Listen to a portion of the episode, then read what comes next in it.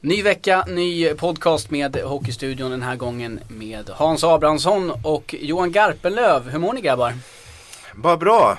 Underbart. Samma här, bara bra. Ny konstellation här. Det blir spännande att se. Ja, verkligen. Ja, kan hålla sams. förra veckan var det bara jag och Thomas Ros. Och då Oj, det var inte så kul. Nej, det var det verkligen inte. Men det får du inte säga till Thomas. Nej, Han konstaterar att du var förmodligen ute och fiskade Garpen.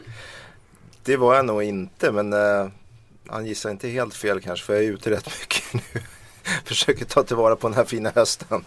Men nu börjar det bli lite kallt för att fiska. Nej, nej, nej. Fiska fram till eh, slutet på november. Och sen pimplar du. Ja, det gör man på isen. Men den lägger sig ju inte i isen här i Stockholm längre. Men allvarligt talat Leif Boork, håller på med hockey i 600 år. Ryno för säsongens första målguld. Han tappar! Han tappar pucken! Han tappar pucken och här kommer Serdenterfelt. 40 sekunder kvar.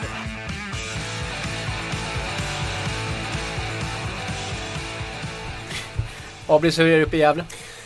I Gävle är det bra tycker jag. Det är full rulle där och eh, Brynäs vinner ju och sådär. Så jag tror att det är relativt god stämning i stan.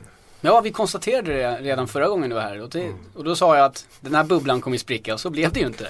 Nej, inte än men vi har ju inte spelat en fjärdedel än så vi får väl ta lite, lite ehm, vi får väl se lite grann vad som händer där, men det ser väl onekligen bra ut. Eh, tycker jag. De har, väl, de har imponerat. De är småslagna i alla fall och eh, vinner som sagt även en del matcher. Men det är kul med Brynäs. Klassiskt lag. Eh, de får en ny tränare förra året. Så får han sätta liksom sin, vad ska man säga, sin identitet på det här laget från start.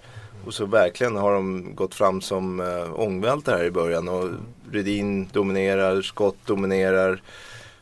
Salmela fick de in sent och har stabiliserat backsidan. Ja, men det är ju en kul förening tycker jag att de spelar bra.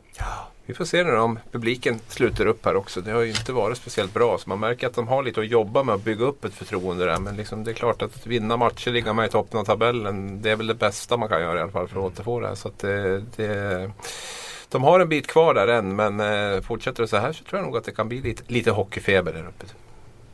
Och hockeyfeber eh, får man väl säga att det har varit i Göteborg också. Där har det gått alldeles ut. Nu förlorade de förvisso mot just Brynäs senast men eh, det är väl Sveriges absolut bästa lag just nu Garpen, eller hur? Jag tycker det. Eh, Och det, de leder ju SHL också. De spelar den roligaste och bästa hockeyn nu också. Mycket tack vare att de har ett grymt lag på pappret. Många skickliga spelare. Men de spelar i hög fart. Eh, de vill vara kreativa med pucken. Och utan pucken då vill de sätta press hela tiden. då. Så eh, totalhockeyn där tycker jag är, står de för nu. Jag tycker att de gör det bättre än vad Skellefteå gör. För de har liknande, snarlika spelstilar. Men här måste jag komma in och jag är ju inte lika pro Frölunda som Garpen är. Så det här med höstar, eh, Frölunda, grundserien. Det brukar ju se ut så här. Ser du någonting liksom i det här laget som, som liksom gör att de ska kunna ta det där steget och vara ett bra slutspelslag också? Då? Jag tror att det, det som man ser i spelet är hur de vill avsluta. Eh, nu har de gjort massor med mål och det är inte slutspel. Men att de har förståelsen själva för vad som krävs i ett slutspel. Och det är ju den här spelet framför båda målvakterna. Att de måste bli bättre, tuffare och starkare där. Och där tror jag att eh, en del spelare som de har plockat in, som Sundström har lite storlek och kan kliva in där och vill ta sig in på mål. De har Joel Lundqvist eh, som kanske hade en liten sämre säsong eller hade en sämre säsong förra året kommer vara där. Så att de, förståelsen för vad som krävs i ett slutspel har de nu efter två raka ja, de har slagits ut i kvartsfinal första året och semifinal andra året. Så att därför tror jag nu tredje året så tar de sig hela vägen. Just på, på grund av den här förståelsen. Och sen skickligheten, alltså det, det går liksom inte att gå så här långt om du inte har ett skickligt lag, så är det bara. Nej, skickligheten har jag liksom, den har jag den har funnits där under hela tiden tycker jag med Roger Rönnberg. Men alltså det jag liksom har haft lite svårt med är att det är ju många av de här små spelarna, många sådana som Brian Lash och Lekkonen och Figren och de här. De, de är oftast bäst i grundserien och eh, sen när det blir lite tuffare, lite hårdare, lite svårare att ta sig in där så tycker jag att Frölunda har haft stora problem. Och jag ser väl inte liksom den här jätteskillnaden i det här laget heller. Johan Sundström absolut och den här Lauritsen som har fått in också som en elak rackare som springer och jagar motståndarnas stjärnor. Det, jag hoppas verkligen att de liksom kan ta ett steg till och verkligen vara ett bra slutspelslag också. Det blir deras utmaning. Alltså att just spela framför kassan. Men sen har de ju fått, on, fått in en stabilitet på målvaktssidan nu också med Gustafsson där. Så deras målvaktspar ser mycket, mycket starkare ut också. När man tittade på, tycker jag, många av målen de släppte in förra året så var det väl tveksamma mål just i slutspelet. Mm. Ja, nej jag håller helt med. Målvaktssidan ser betydligt bättre ut nu och det ska bli, det ska bli intressant att följa. Men eh, jag hoppas ju någonstans att Frölunda får en rejäl dipp under säsongen. För fortsätter det så här så tror jag att det kan, det, oftast i ett mästerskap eller en serie eller någonting, man behöver liksom de här motgångarna också kunna växa och, och, och liksom lära sig av dem och, och, och, bli bättre. Så därför så, eh, så hoppas jag att det inte går som tåget för Frölunda. Och framförallt så är det tråkigt när ni sitter här som båda som experter och, och du säger att innan att Brynäs ska, det är inte så jobbig säsong och, och Garpen säger att det blir SM-guld för Frölunda. Det är inget kul när ni går, går ifrån en hel säsong utan att ha fått någon kritik. Nej. Det håller ju inte. Nej men det kommer vi få. Det är en lång säsong och mycket kommer hända. Ja, det har ju bara gått åtta matcher så vi får nog sitta ner i båten lite grann när det gäller både Frölunda och, och Brynäs. Eh, Garpen, jag vet att du sover inte så mycket just nu när NHL har dragit igång. Hur kul är det? Ja men det är ju det som är kul att få följa NHL. Eh, nummer ett så får man ju följa världens bästa hockeyspelare på nära håll eh, och då menar jag via tvn just nu. Jag ska ju åka över på någon resa framöver. Men, men sen är det ju att, att vi, man har någonting att titta eh, för också. Just att eh, World Cup nästa år, det är ju därför jag sitter och tittar på så många matcher jag bara klarar av och kan. Så att eh, då får vi följa våra svenska spelare där borta och det är det är ju samma sak där när man tittar på, på spelarna nu gentemot eh, i slutet av säsongen. Vad har hänt under den här resan? Vilka utvecklas? Vilka eh, har gått tillbaka och så vidare? Vilka har varit skadade? Så att, eh, det är mycket som man vill, vill titta på när man ser de här matcherna.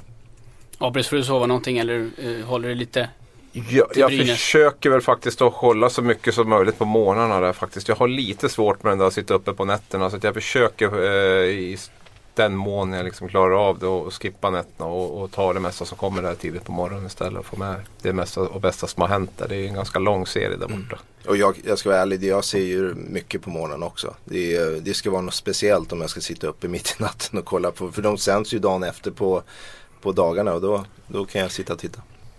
I NHL så har man infört coaches challenge. Det innebär att en, en tränare kan utmana om det har blivit ett mål. Ska vi införa det i Sverige också? Eh, jag tycker vi, all, som vi alltid ska göra, vi ska avvakta och se hur, det, hur det artas i NHL där man har börjat med det. Eh, och se, utvärdera det därifrån. Men eh, jag gillar tanken eh, med det i och med att allting sänds på TV. Eh, det finns videoupptagningar. Är det så att domarna missar en solklar offside och det blir mål och det laget vinner på det målet så tycker jag det är synd med den tekniken vi har. Så att om jag ska svara lite lätt på frågan så tror jag att vi kommer få se det i Sverige så småningom. Inte i år naturligtvis men i framtiden tror jag vi får se det. Kan vi inte våga prova någonting själva?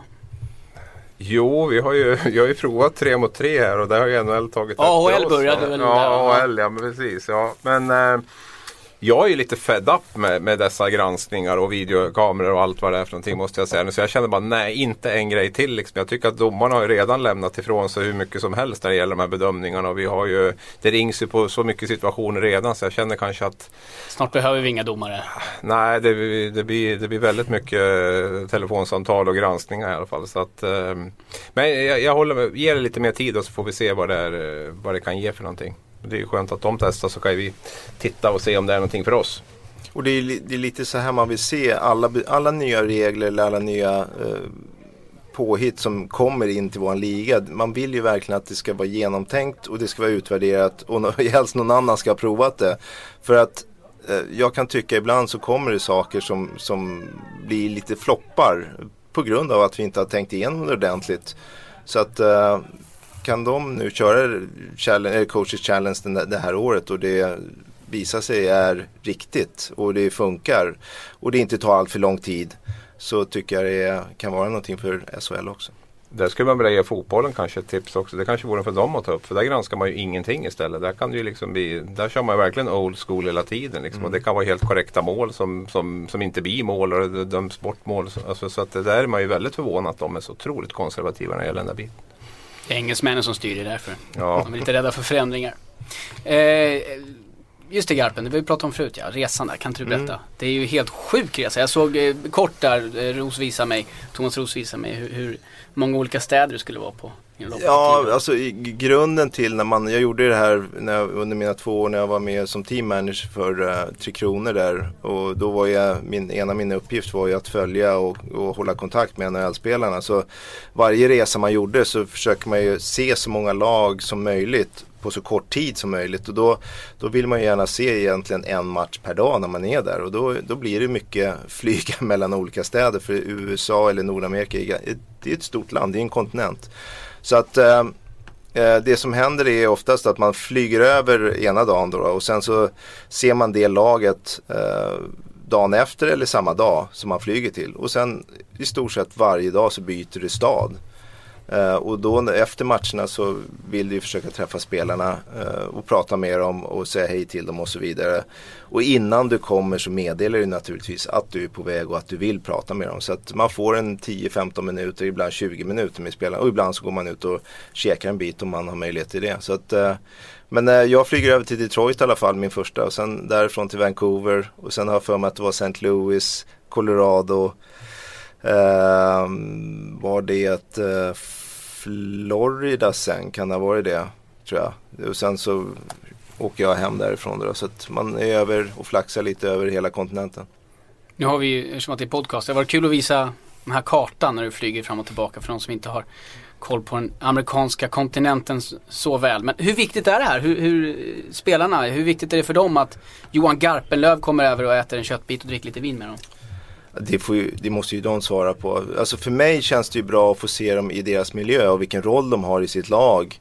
Uh, och sen så är det ju alltid så att när du ser matcher på tv så ser du ju inte hela spelet. Det är svårt att, att följa spelare under en match. För, för bilden, då ser man ju oftast bara puckföraren eller där, där allt, runt, allt, allt som sker runt omkring pucken. Uh, och sen är det ju det, du måste skapa relationer med spelarna och då måste man träffa dem, man måste se dem i ansiktet, man måste gå ut och prata om både hockeymässiga saker och hur, hur de trivs och hur det känns och så vidare och var de är på väg i sin karriär. Och de måste ju få möjligheten att lära känna mig. Uh, ett sms eh, från någon brukar oftast inte ge så mycket vänskap i början. Det kanske man kan göra med senare sen när man lärt känna personen. Så att just den där personliga kontakten, att lära känna personen, det är det man försöker göra när man åker över dit. På den korta tiden man har då naturligtvis. Stå, ja, ja, vilken spelare ser du mest fram emot att, att se på den här resan? Ja, men nu, de äldre spelarna har jag ju sett och jag kan dem ganska bra. Jag kommer ju se dem på den här resan också. Men alla de här nya unga spelarna som eh, Filip Forsberg, du har Burakovsky, du har uh, nu ska vi se vilka lag.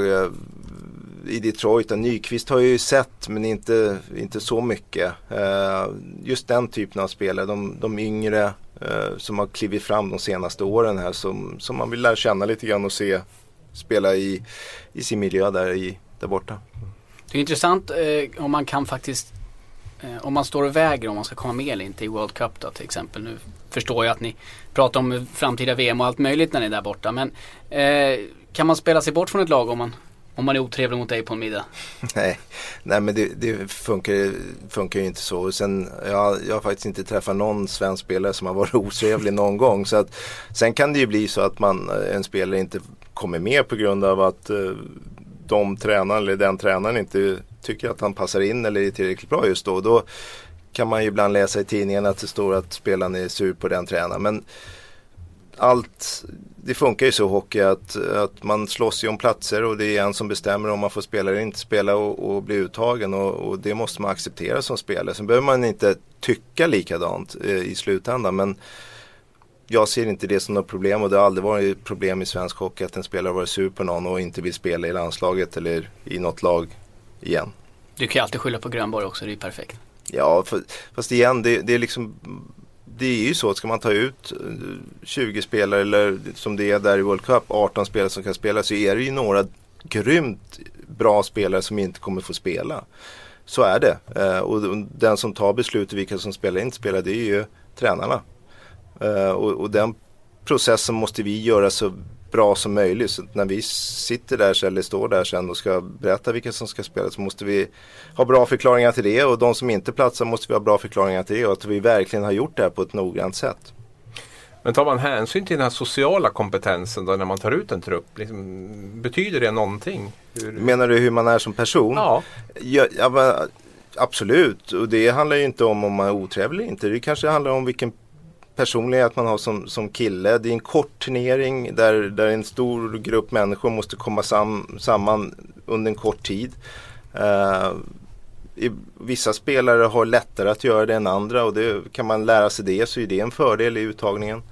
Uh, vi i Sverige när vi tittar på de spelarna som, som kan tänka spela i World Cup så har inte vi lika många som Kanada har till exempel att, att slå sig in i den här truppen. Så att vi har ju lite enklare jobb att göra. Men eh, absolut social kompetens eller Uh, om man är en ledare eller inte ledare, karaktär. Alltså det, alla de här sakerna spelar ju också in. Uh, förutom det man ser på isen. Du har ju varit på de här resorna tidigare. Nu är du tillbaka i regionen igen. Men du har ju varit där tidigare. Du har varit över och träffat spelarna. Försöker de sälja in sig själva liksom, och, och framstå som trevliga personer och, och bra lagspelare och, och så? Nej, alltså, jag tror att de flesta spelarna försöker vara sig själva. Och, och igen, jag har inte träffat en svensk spelare än som, som jag tycker är otrevlig. Sen är inte alla på samma sätt. Vissa är utåtagerande, vissa in, säger inte så mycket och väldigt tysta. Uh, och, och, allt det här eh, spelar ju naturligtvis, det är inte en nackdel att vara tyst och spela väldigt bra hockey, absolut inte. Eh, men, i ett lag så måste man ha vissa spelare som driver laget och, och det kan man göra på isen eller i omklädningsrummet eller både och. Och det är alla de här sakerna försöker man ju ta reda på så gott det går och sen väga in i, i, uh, i uttaget. Quality sleep is essential. That's why the Sleep Number smart bed is designed for your ever evolving sleep needs. Need a bed that's firmer or softer on either side? Helps you sleep at a comfortable temperature? Sleep Number smart beds let you individualize your comfort so you sleep better together. JD Power ranks Sleep Number number 1 in customer satisfaction with mattresses purchased in-store. And now, save 50% on the Sleep Number limited edition smart bed for a limited time. For JD Power 2023 award information, visit jdpower.com/awards. Only at a Sleep Number store or sleepnumber.com. Det är otroligt spännande i alla fall och förra gången var det här så grillade vi också dig på podcasten när det kommer till World Cup. Eh, Abris, eh, det är ju, det blir 11 månader kvar nu då ganska exakt tills det startar i Toronto. Eh, finns, finns det någon spelare du känner så här det här kan bli ett utropstecken i, i, i truppen. Jag tänker kanske främst på de unga spelarna i NHL. Ja, alltså forwardsidan tycker jag ju på något sätt känns, alltså där, är, där kommer nog inte att bli sådär väldigt mycket överraskningar och, och, och liksom genombrott. Så där har vi ju de här säkra korten lite grann med Sedin och Bäckström och, och, och Zetterberg. Det är ju backsidan där som jag tycker liksom är spännande. Med en sån som framförallt Hampus Lindholm kan jag tycka är jättespännande. Som har haft en grym utveckling där borta. Viktor Hedman är ju en annan som kanske är NHLs ja, topp tre i alla fall bland backarna där som inte har spelat speciellt mycket heller i, i Tre Kronor. Av olika anledningar. Så alltså, det, där, där är väl två spelare som jag är väldigt intresserad av att, eh, och som jag tror kan vara otroligt viktiga för oss i, i World Cup. Hedman och eh, Hampus Lindholm. Även en sån som Jonas Brodin har jag lite förhoppningar. Jag tycker han har blivit lite åsidosatt både i OS där i Sochi och i VM här nu senast. Det är också en spelare som man kanske gärna vill se där och som jag tror kan göra det väldigt bra. Du märker, man kan inte få alla tyvärr. Nej, det kan man inte. Men jag kan ta ut dem jag vill ha så är jag nöjd. Liksom. det är ju fantastiskt hur, hur, hur mycket fokus lägger ni på eh, just den här säsongen eh, i NHL? Det kan ju finnas de som kanske har en off-season som, som ändå är, är rutinerade rävar och som man vet gör nytta i ett landslag. Nej, men vi måste ju naturligtvis ta med det de har gjort fram eh, till den här säsongen och sen så måste man ju titta på vad de gör under den här säsongen. Eh, sen är det ju, vi måste ta ut eh, 16 spelare den första mars eh, som ska spela World Cup och sen är det sju spelare till den eh, första juni. Så att eh, den här säsongen kommer ju bli jätteviktig för spelarna eh, och, och liksom spela bra helt enkelt och visa vad de kan och vad de går för. Sen under vet vi ju under säsongen att alla spelare har ju upp uh, där man spelar riktigt bra och man har perioder där man spelar mindre bra. Så vi måste ju se det över tid.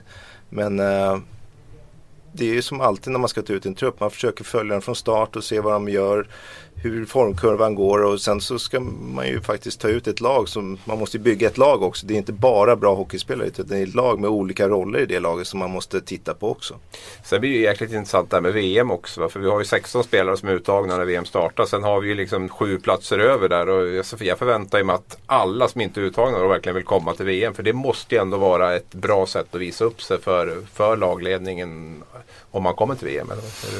Jag som spelare så, alltså jag, jag, jag, vet att det är ett fokus här i Sverige på att det är många som tackar nej till VM, eh, NHL-spelare efter en lång NHL-säsong. Och många som tackar nej har ju en anledning att tacka nej. Alltså, jag tror ingen vill ha hit en spelare som är skadad.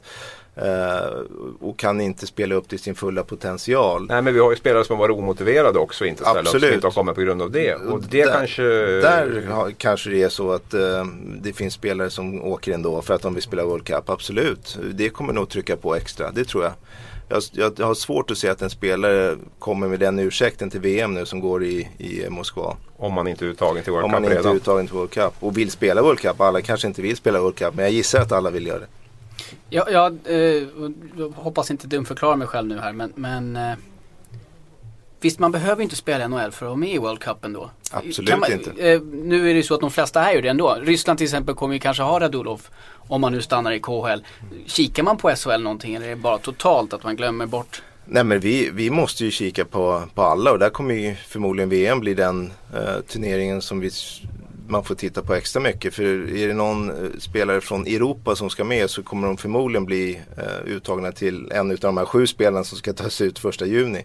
Eh, så att VM kommer man ju följa, eh, med, eller jag kommer följa i alla fall så noggrant jag bara kan. Så att, eh, och då, då är ju de bästa spelarna från Europa med och spelar och så fyller man på med en del NHL-spelare. Så att det är jätteintressant turnering att följa. Sen är det som jag var inne på tidigare, när man bygger lag måste man ha olika spelartyper och, och på vissa eh, av de här spelartyperna har vi inte så många spelare. Så att om man tar ett eh, exempel som en eh, stor tuff powerforward då har vi inte, det dräller inte av svenska stora starka powerforwards i NHL.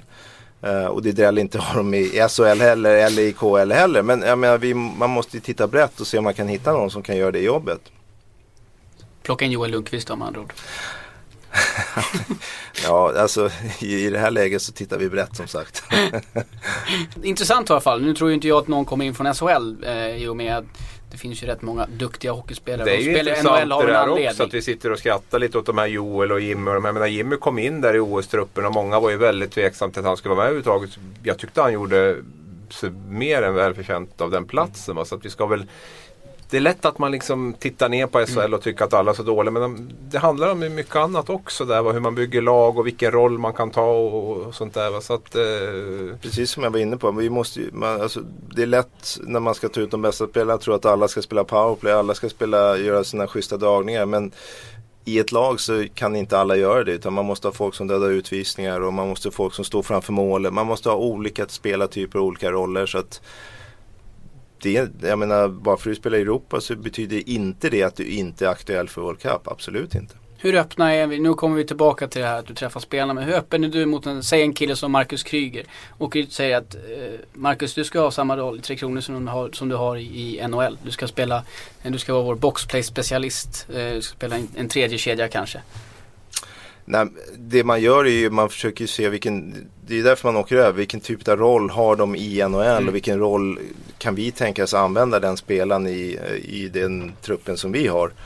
Och, och då om man nu tittar på Marcus Kryger så är hans roll i Chicago det är ju en defensiv roll. Uh, otroligt duktig tekare toppen uh, i NHL på, på tekningar.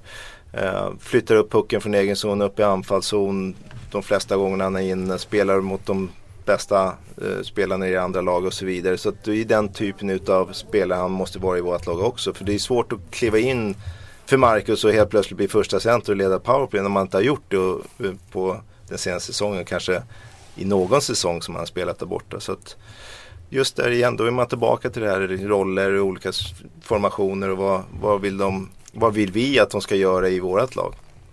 Och när börjar man ta upp sånt så att säga? För det, men det, det handlar ju kanske om de här som ligger i tredje kedjan framförallt. Det är väl kanske där man hittar. För säger, Kryger är van att spela en roll i Chicago, han får samma roll i Tre Kronor. Sedinarna är barn att ha roll i Vancouver, får samma roll i Kronor. Men sen har du ju ett mellanskikt där i tredje, typ tredje femman där som, som kanske får, som kanske är lite mera högre upp i sina klubblag men som kanske får ta en roll bakåt i, i Tre Kronor i ett World Cup. När, när, börjar man prata med det? Gör du det nu redan och, och liksom börjar prata eller, eller, är det någonting som man tar innan truppen tas ut? Alltså just nu så håller vi på uh, och, och går igenom, eller vi har gått igenom NHL så vi vet ju vilka spelare vi har där och vad de flesta, vilka roller de har. Och sen är det ju att vi försöker prata om olika spelartyper, olika formationer. Eh, jag, jag gissar att jag har kanske ett annorlunda lag än vad Rickard har och Poppa har ett annat lag än vad vi har. Så att, sen får man sitta och diskutera sina lag med varandra under resans gång och sen får man ju ha alternativ på, ah, på alla de här olika platserna. Och sen i det någonstans så måste man ta ett beslut vilka man ska gå med. Eh, men pratar vi om de här 16 första spelarna så kanske de har en ganska, där kan man gå in och säga den här rollen har vi tänkt för dig och så vidare. Sen när man pratar om de här sju som ska till efter, där kanske man får gå in och ta en spelare som kanske spelar i en andra kedja någonstans och säga att i vårt lag ska vi spela på den här positionen. Vi vill att du ska spela i det här spelet. Uh, är du beredd att göra det? Uh, och då vad jag vet, eller min erfarenhet av svenska spelare, så är de beredda att underkasta sig och, och göra den rollen som, eh, som tränaren vill att de ska göra. Men det är en diskussion som ni tar innan de blir uttagna? Att det, det, här är det vi har tänkt oss att Det tycker jag, att, eller det, det är min tanke är absolut att göra det. För det, du vill inte ha en spelare som inte vill spela den rollen. För då får du inte ut max av den spelaren i matchen. Och väljer du mellan två spelare så vill du ju att vill ju ha en spelare som accepterar rollen. Och då måste man prata med spelaren innan. Har vi en fördel där? Jag kan tänka mig, jag har svårt att se att det är exakt likadant i Kanada. Vi var inne på det tidigare idag när vi pratade om att eh, Babcock förmodligen är den som leder Kanada. Han har ju fullt upp med Toronto under säsongen. Han kan inte åka och träffa spelare på det sättet som, som du gör. Eh, där funkar det lite annorlunda. Där har de eh, general managers som sköter laguttagningarna. Så tränarna har ju en del i det absolut. Men det är de som som åker runt och gör det jobbet. Men jag vet ju att det gör ju Kanada också. De har ju haft Rick Nash som en uh, checking guy i, uh, i, sitt, uh, i Vancouver tror han var där ihop med några som, och han är ju en första kedjespelare i sitt lag. Så att, PK Subban var väl petad stora delar av OS? Absolut, och där, de gör ju precis samma sak. Vi har tänkt i den här rollen här, är vi beredda att göra den. Och då, jag menar alla vill ju vara med till OS eller spela World Cup. Så att de är beredda att acceptera det och har de, har de gått med på det eller sagt det och alla är öppna med det då då är det lättare både för coach och spelare att, att köra.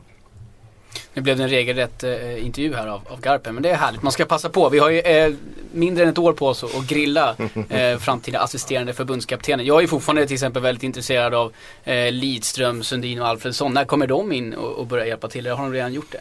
De eh, har vi redan pratat med. De eh, är införstådda med vilken typ av eh, arbetsroll eller arbets Uh, eller vad vi vill att de ska göra och vad de vill göra för oss. Så att vi pratar med dem, absolut. Och de är med från start här nu. Jag känner att det låter flummigt när man bara, man bara hör det. Advisory board. Nej men de, de ska hjälpa oss i det dagliga arbetet uh, med sin erfarenhet och, och, och sin egentligen uppenbarelse. Och det vi har gjort det är när vi har suttit ner eh, och ska använda de här det är ju naturligtvis att Lidström har ju spelat back hela sitt liv och varit väldigt duktig och framträdande i det. Då ska ju han jobba med, med backarna med Poppe och Affe har varit forward och, varit ledare och kapten och, och väldigt framgångsrik i det. Då är det naturligt att han är med eh, och jobbar med det. Och sen det, har vi ju Sudden med oss också som, som kommer hjälpa till mer övergripande ovanför och de tre ihop med oss kommer jobba med World Cup-laget här framöver. Underbart. Vi, eh, vi går vidare från World Cup vi, eh, och pratar lite till om, om eh, eh europeisk hockey tänkte För jag vet ju att eh, Garpen du har varit iväg på en hel del resor eh, i annat jobbsyfte när, när det kommer till europeisk hockey. Jag var i Köln, det var min första eh, match utanför Sverige om man bortser från att jag var på NHL-match. Eh, och Abris, jag kan tänka mig att du har sett matcher lite överallt. Du var i Jokerit i KHL förra säsongen bland annat. Lite på uppstuds sådär, vad är det häftigaste ni varit med om i hockeyväg utanför Sverige? Jag blev, jag blev chockad när jag var i Köln. Det var alltså 18 000 på läktarna och ett sånt jäkla drag. Abris, vad, kommer du på något som är... Bolla över den till Garpen först så ska jag fundera du tänka lite grann? Jag ställer ja, verkligen, precis. jag har verkligen inte förberett er någonting på den här. Jag bara kom att tänka på det. Nej men när jag åkte runt, jag har åkt runt uh, mycket nu med Champions Hockey League och, och det jag fascineras av när jag är ute det är ju i de här lite mindre län, eller vad ska jag säga, mindre hockeyländerna om man säger så. Jag var i Skottland där, uh, där jag såg Brayhead Clan då i Skottland. Uh, fullsatt på läktaren. Alla levde sig med, alla var jätteglada för att se sitt lag. Eh, jag var nere i Salzburg, fullsatt. Eh, Tjo och jag var i Tyskland. Alltså alla de här länderna så, så finns det ett jättestort hockeyintresse. Eh, sen naturligtvis så konkurreras eh, det, med fotboll i alla de här länderna också. De, de har inte kommit lika långt hockeymässigt när man ser matcherna.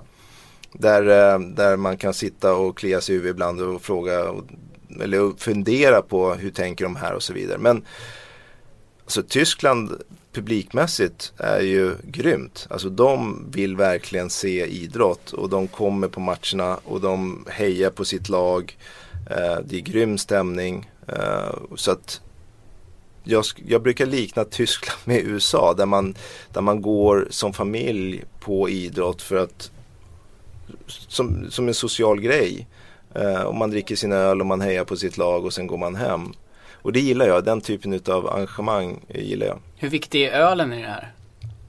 Jag kan säga i, i det, det som var en stor del i när vi var i Skottland här på Brädklan det var ju att man fick dricka öl när man satt och tittade på matchen, alltså på läktaren. Det får man inte göra i fotbollen där utan då måste man ju in under. Du får inte dricka på läktaren. Så att, eh, och det var en stor del i att det var mycket folk där. Jag tänker mig att de gick runt med en sån här single malt whisky och eh, Nej, det var inte så mycket Det var- whisky, det var mest öl.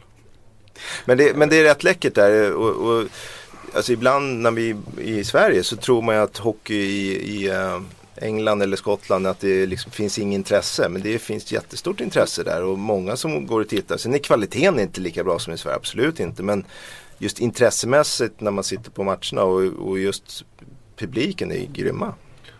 Ja, nej, alltså jag var ju ute, jag- den tiden jag spelade Vålerengen så spelade vi faktiskt i Europaligan. Det, det som gjordes då var vi var ju och spelade i Österrike, Schweiz, Tyskland, Ryssland och de här ställena. Och just även Mellaneuropa där, det är ett jäkla tryck på läktarna där. Och det, det, absolut, ölen är en anledning till det va? men de skapar en, en grym ljudkuliss där liksom. Och det är liksom trummor och det är liksom, om man verkligen, det blir ett grymt tryck där.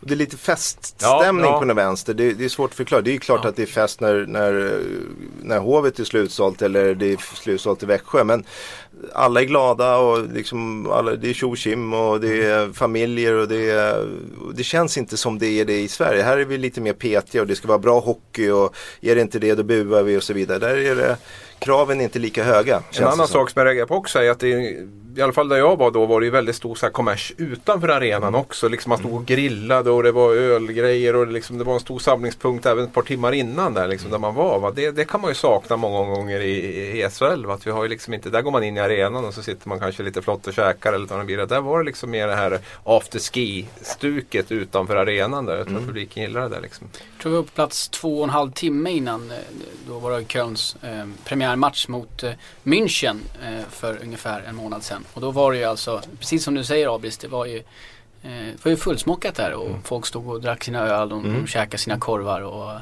Nej, det var en riktigt, riktigt häftig upplevelse. Ehm, som man kanske absolut, eller som man absolut inte ser i Sverige snarare. Och det är lite tråkigt. Jag vet att SHL jobbar väl hårt på att försöka få folk in i arenorna snarare. Att de står utanför då kanske men ehm, och sen vet jag, jag kände ju många, eller kände flera av de här spelarna som var i de här, svenska spelare som var i de här eh, mellaneuropeiska lagen. Och där var det ju liksom mer eller mindre kutym att där gick man upp och tog en bira med fansen efter matchen, även spelarna. Va? Så att det var liksom en samlingspunkt där uppe i, i restaurangen efteråt. Va? Det var liksom, du skulle ha jävligt starka skäl om du skulle hoppa över det och, och åka hem till, till ditt. Va? Utan det, det ingick på ett sätt liksom att du skulle vara med där också och, och eh, surra lite med dem. Sen, sen är det ett annat spel i Europa också har jag märkt. Det är liksom mer offensivt. Man, man är inte lika strukturerad som i Sverige. Det blir oftast en fram och tillbaka hockey där, där det händer grejer hela tiden. Och det gör ju att det är ganska roligt att titta på som fan.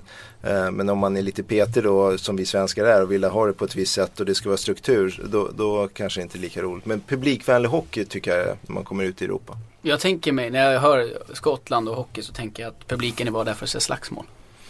Alltså det har varit så. Men jag- alltså, det är, I och med att det har varit mycket kandiker både i Tyskland och i, i eh, England så, så blir det ju lätt att när det väl händer något så, så släpper man handskarna och så pucklar man på. Så det är ju en, det är en del av hockeyhistorien i de här länderna. Så att, sen, sen är det ju inte att de slåss i varje byte, absolut inte. Utan det är mer det är tacklingar, fysiskt spel som, som det ska vara i ishockeyn. Härligt. Jag satt, jag försökte sätta er på pottan där men ni svarade ju eh, riktigt bra båda två. Det är härligt. Ja, verkligen. ja. Jag väntar ju på att ni experter ska göra bort er den här säsongen. Men som Det är sagt, därför vi är här. Ja, precis, precis. Jag kan redigera ihop det här sen Ja, så det låter precis. som att ni inte har en aning om vad ni Vi pratar om. för ihop det här på ett bra sätt. Ja. Vi, vi nöjer oss där helt enkelt. Eh, Om inte ni har någonting att tillägga eh, om svensk hockey.